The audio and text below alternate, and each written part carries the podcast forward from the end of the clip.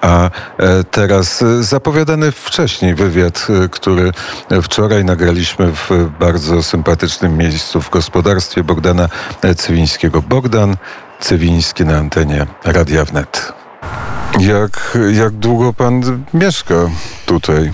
Mniej więcej od 32 lat. Wtedy wróciłem z emigracji politycznej, że tak powiem.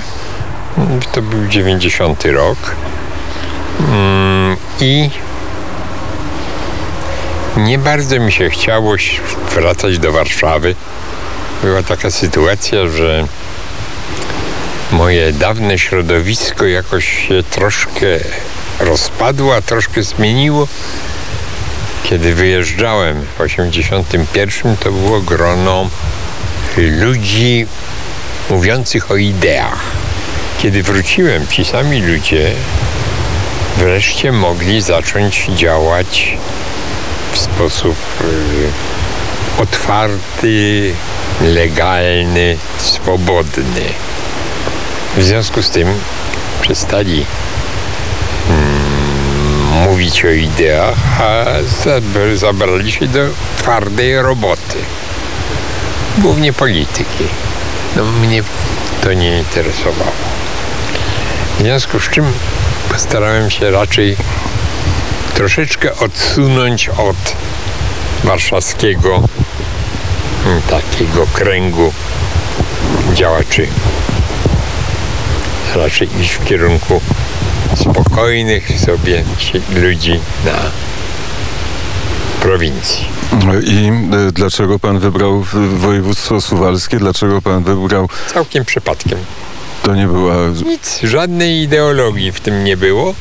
Była po prostu propozycja kogoś znajomego, który mi powiedział, a pojedź tam, zobacz. I? I trafiłem.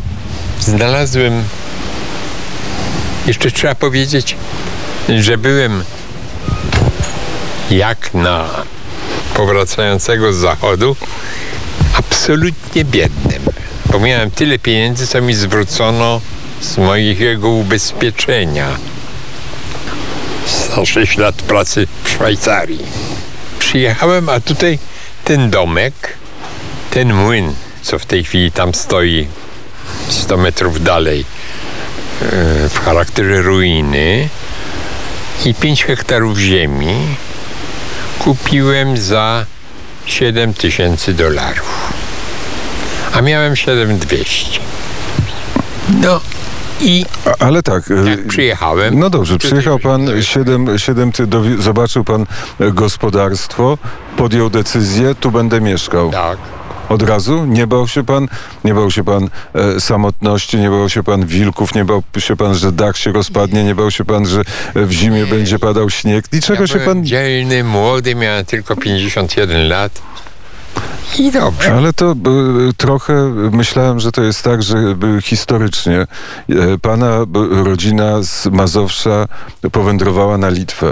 Więc tak. myślałem, że pan się osiedlił tutaj, dlatego, że pan czuje ten zew kresów i postanowił pan w tym, w, na tych kresach, najdalszym punkcie obecnej Rzeczpospolitej zamieszkać, żeby patrzeć, czy bracia Litwini e, przychodzą tutaj w pokojowej szacie, czy też przychodzą z mieczami. Tak. Może coś z tego było, ale niewiele.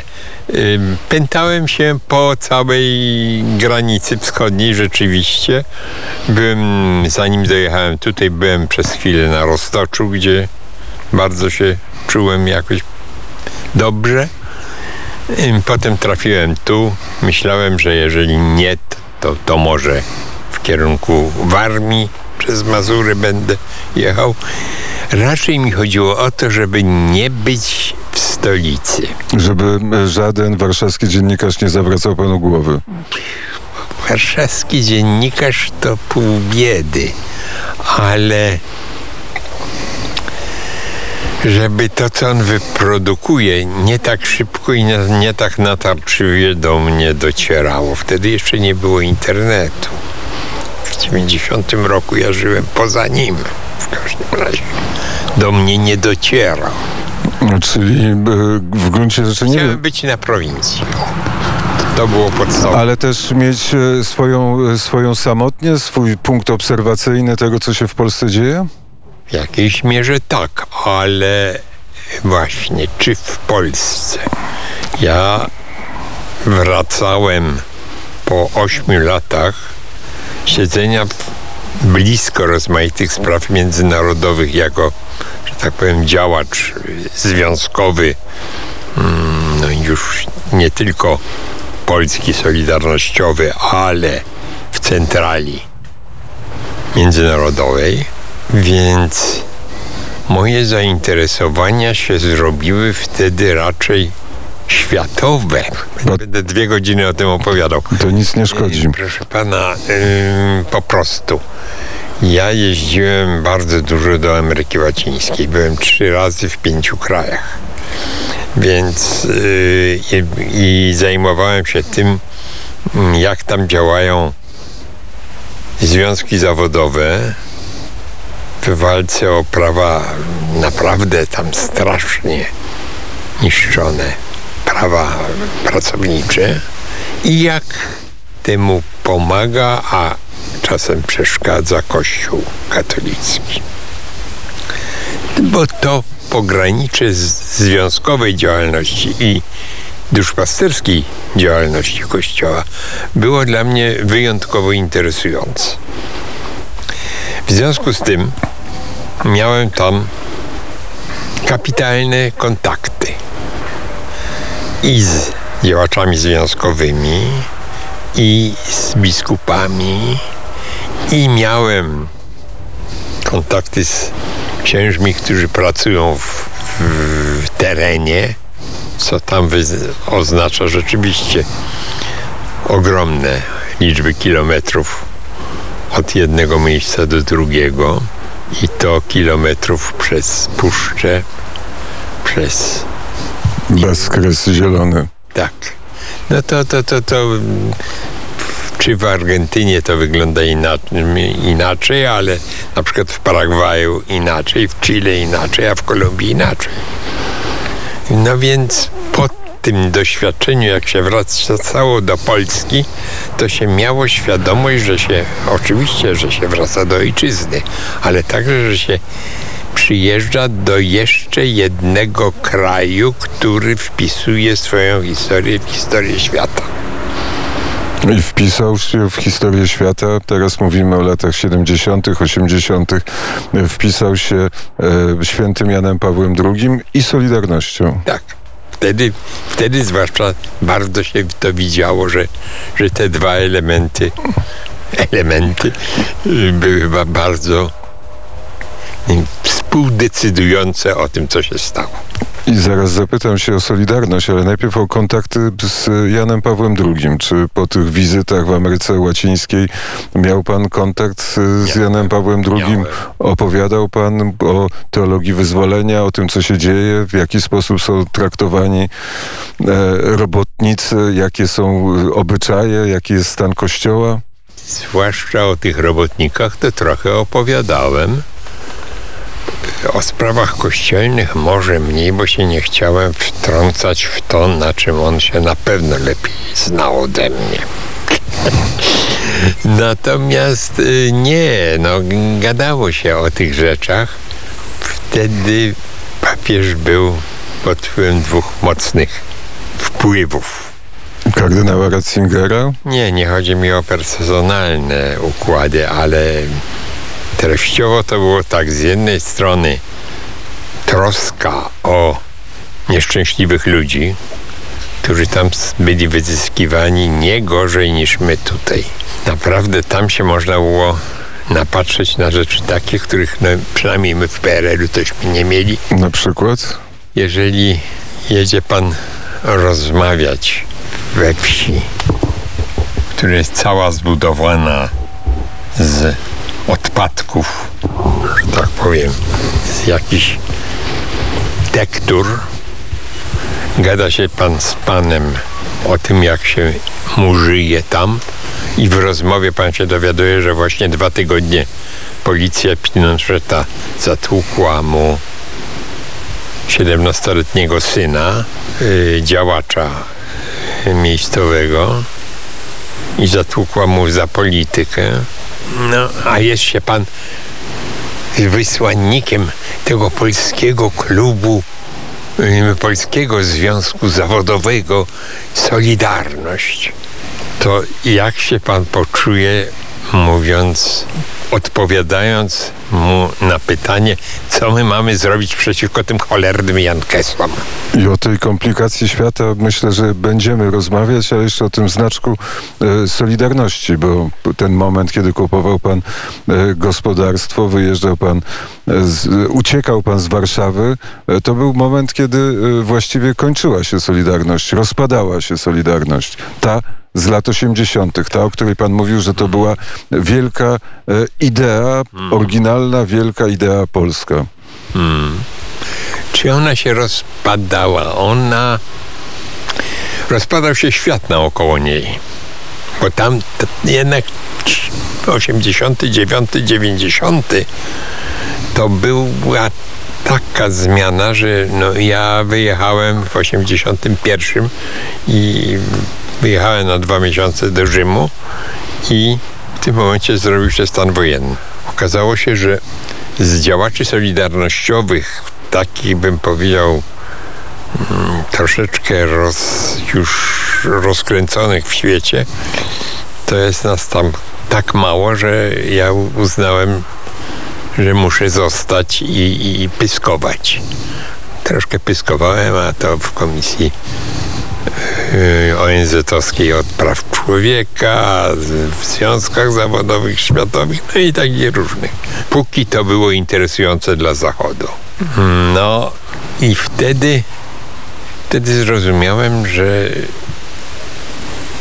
właśnie jesteśmy jakimś takim elementem większej całości. I to całości, która z Polski wcale wyglądała zupełnie inaczej niż stamtąd. Jak? Jaka różnica? Różnica taka, że z Polski się mówi o Zachód. A jak się siedziało w, my, ja kolejno we Włoszech, w Szwajcarii, we Francji, to tego Zachodu nie widziałem.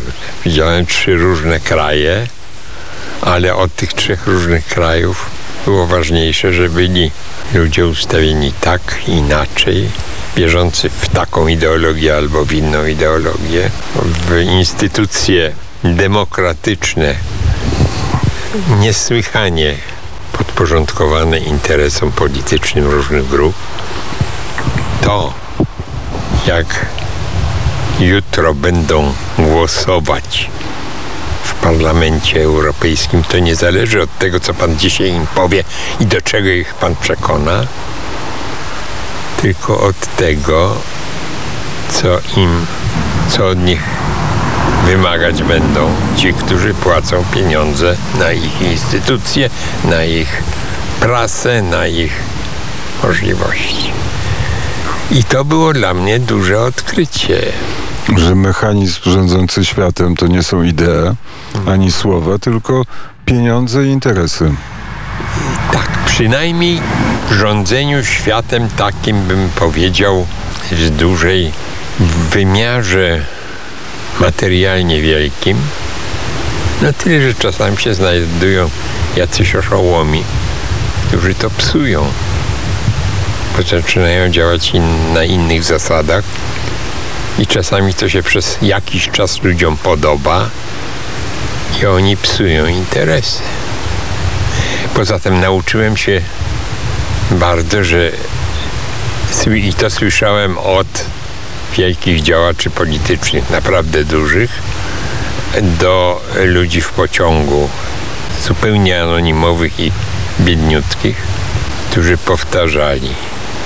Ta wasza solidarność to nam jeszcze narobi kłopotu, bo wy nam przecież zepsujecie ten cały pokój, który dzięki Jałcie istnieje tyle lat i daje takie wspaniałe rezultaty ekonomiczne. I krzyczał pan wtedy?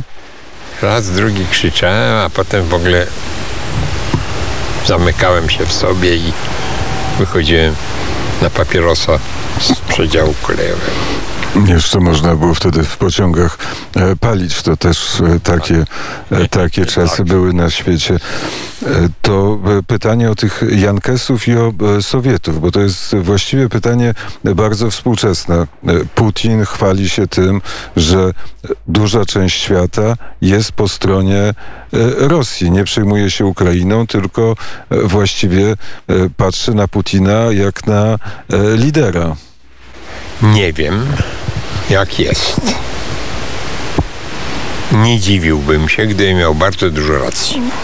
Bo Bo długo musiałem tłumaczyć w Ameryce Łacińskiej działaczom związkowym, nie mm, zupełnie zielonym ludziom, ale działaczom. Bo rozumiecie, komuna to jest no coś właściwie tak samo złego jak Ameryka, jak USA, jak Jankesi. Jak pan przerobi taką, takich powiedzmy 20 rozmów w ciągu tygodnia na jakimś zjeździe, to potem ciężko jest wrócić do, do normalności, że to. To wróćmy w takim razie może nie do normalności, a do teraźniejszości. Albo nie, jeszcze do, e, na chwilę do przeszłości, bo wprowadził się pan e, tutaj, zamieszkał pan i jacy ludzie pana otaczają? E, ja- Jacy oni są, sąsiedzi? Sąsiedzi są świetni, są otwarci, świetnie się z nimi gada. Bardzo krótko prowadziłem ten młyn, bo potem miałem wypadek i musiałem zrezygnować z tego. Ale bycie młynarzem, do którego dwa razy do roku każdy gospodarz przyjeżdża sam, nie przysyła parobka czy syna, ale przyjeżdża sam, bo to jest honorowa rzecz, przyjechać do młyna i ze swoim zbożem i wtedy się gada. To były właściwie, gdybym był na serio, chciałbym być socjologiem wsi, to bym kupił następny młyn. To jest miejsce, w którym się mnóstwo rzeczy człowiek dowiaduje. A tu ziemia jest pograniczna, półtora kilometra stąd jest granica między Mazurami a Suwalszczyzną. Ona i taka jest z tych dłuższych, powyżej 600 lat. W związku z tym w przerośli wiadomo, że ci, którzy tutaj żyją od kilku pokoleń, to są przemytnicy głównie. Poza tym troszkę się zajmują rolnictwem, ale i pradziadek, i dziadek, i ojciec byli przemytnikami. Oni skąd? Oni nie. Czyli e, mądrość życiowa. Nauczył się pan czegoś od nich? Ja jestem tępy. W tych sprawach jestem bardzo tępy. E, A nie myślałem o tym, że zaczął pan przemycać jakieś towary. To... Nie, ale no, przemycać to ja, ja troszkę się przemytem zajmowałem wcześniej. I nie na tej granicy, tylko na zachodzie. Nie, y, więc przemyt to jest raz. Poczucie niejasnej tożsamości. Bo tu się jest albo się było dla ludzi w moim wieku, którzy 30 lat temu jeszcze byli zupełnie na chodzie przecież. To się było, miało się za sobą e, dziecięctwo w II Rzeczpospolitej, późne dzieciństwo albo nawet młodość w czasie wojny, tu okupacja niemiecka, tam Niemcy za półtora kilometrów, a za 20 kilometrów na, południowy, na południe i wschód yy, okupacja sowiecka, potem już tylko niemiecka, potem Sowieci i yy, podziemie. Podziemie się żywiło tak samo jak UB. To wszystko od ludzi i praktycznie za darmo albo, albo prawie za darmo, albo na siłę. I jak się chciało w 1945-1946 roku coś naprawiać, budować, cokolwiek odbudować w tym, w tej wsi, która praktycznie jest miasteczkiem, to trzeba było mieć dojście do władzy. Więc ten syn, co nie był w lesie, to był blisko partii. To tak dziwne rzeczy. Tego się nauczyłem, że nasze podziały takie bardzo wyraźne, twarde, takie, że to była jedna strona, to była druga strona, to one są miejskie. Albo może z centralnej Polski. A To tylko hańcza, prawda? tak, ona głównie jest krzykliwa. Musi bronić domu. Może ja spróbuję ją jak... Nie, jest bardzo, jej szczek jest naprawdę bardzo miły. Dobra. Żeby nie było na mnie. Więc tutaj to był, było znacznie bardziej, znacznie mniej jasne, bo przedziały były bardzo ostre, ale szły w, w, poprzez rodzinę, nie mówiąc już o sąsiadach. I tego się musieliśmy tutaj po trochu uczyć. Potem ja szczęśliwie jestem w ogóle mało towarzyski. Więc jak już się okazało, że ja młynarzem nie będę, to pojechałem na Litwę, gdzie się spóźniłem na walki pod parlamentem o 16, nie, o 10 dni.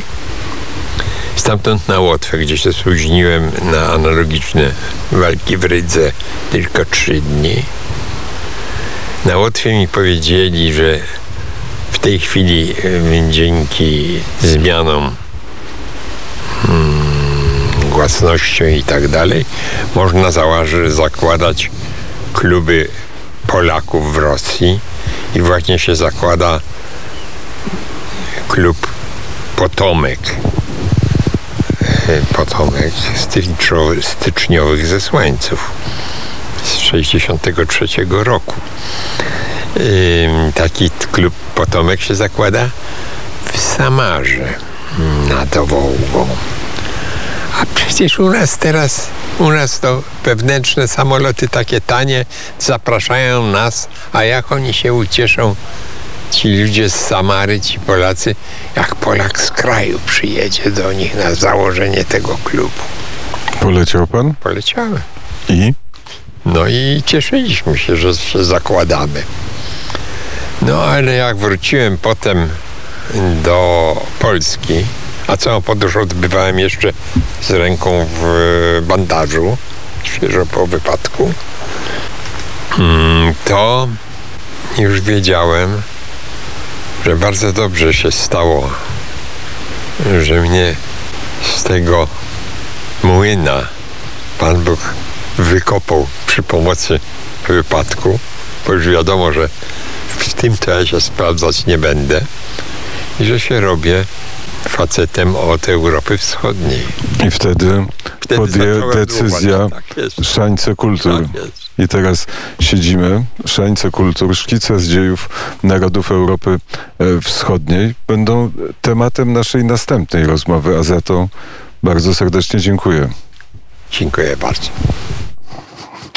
E, To była e, rozmowa z Bogdanem Cywińskim przeprowadzona wczoraj,